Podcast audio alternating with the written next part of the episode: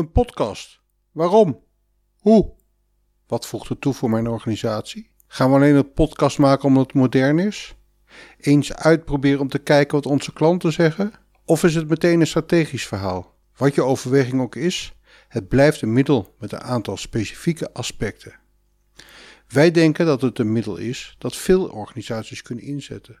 Je kunt het gebruiken als een wat uitgebreide reclameboodschap, zoals ik dat nu doe. En in dit geval is het een hele simpele boodschap met alleen gesproken tekst. Je kunt het natuurlijk spannender maken met muziek, door van vorm te veranderen, een tweegesprek, een interview. Er is van alles mogelijk. Een podcast is goed voor SEO. Dat wil zeggen dat je beter gevonden wordt in Google. Alleen daar zou ik het niet voor maken. Wij denken dat je met een podcast en dan liefst met een podcastserie je merk kunt versterken.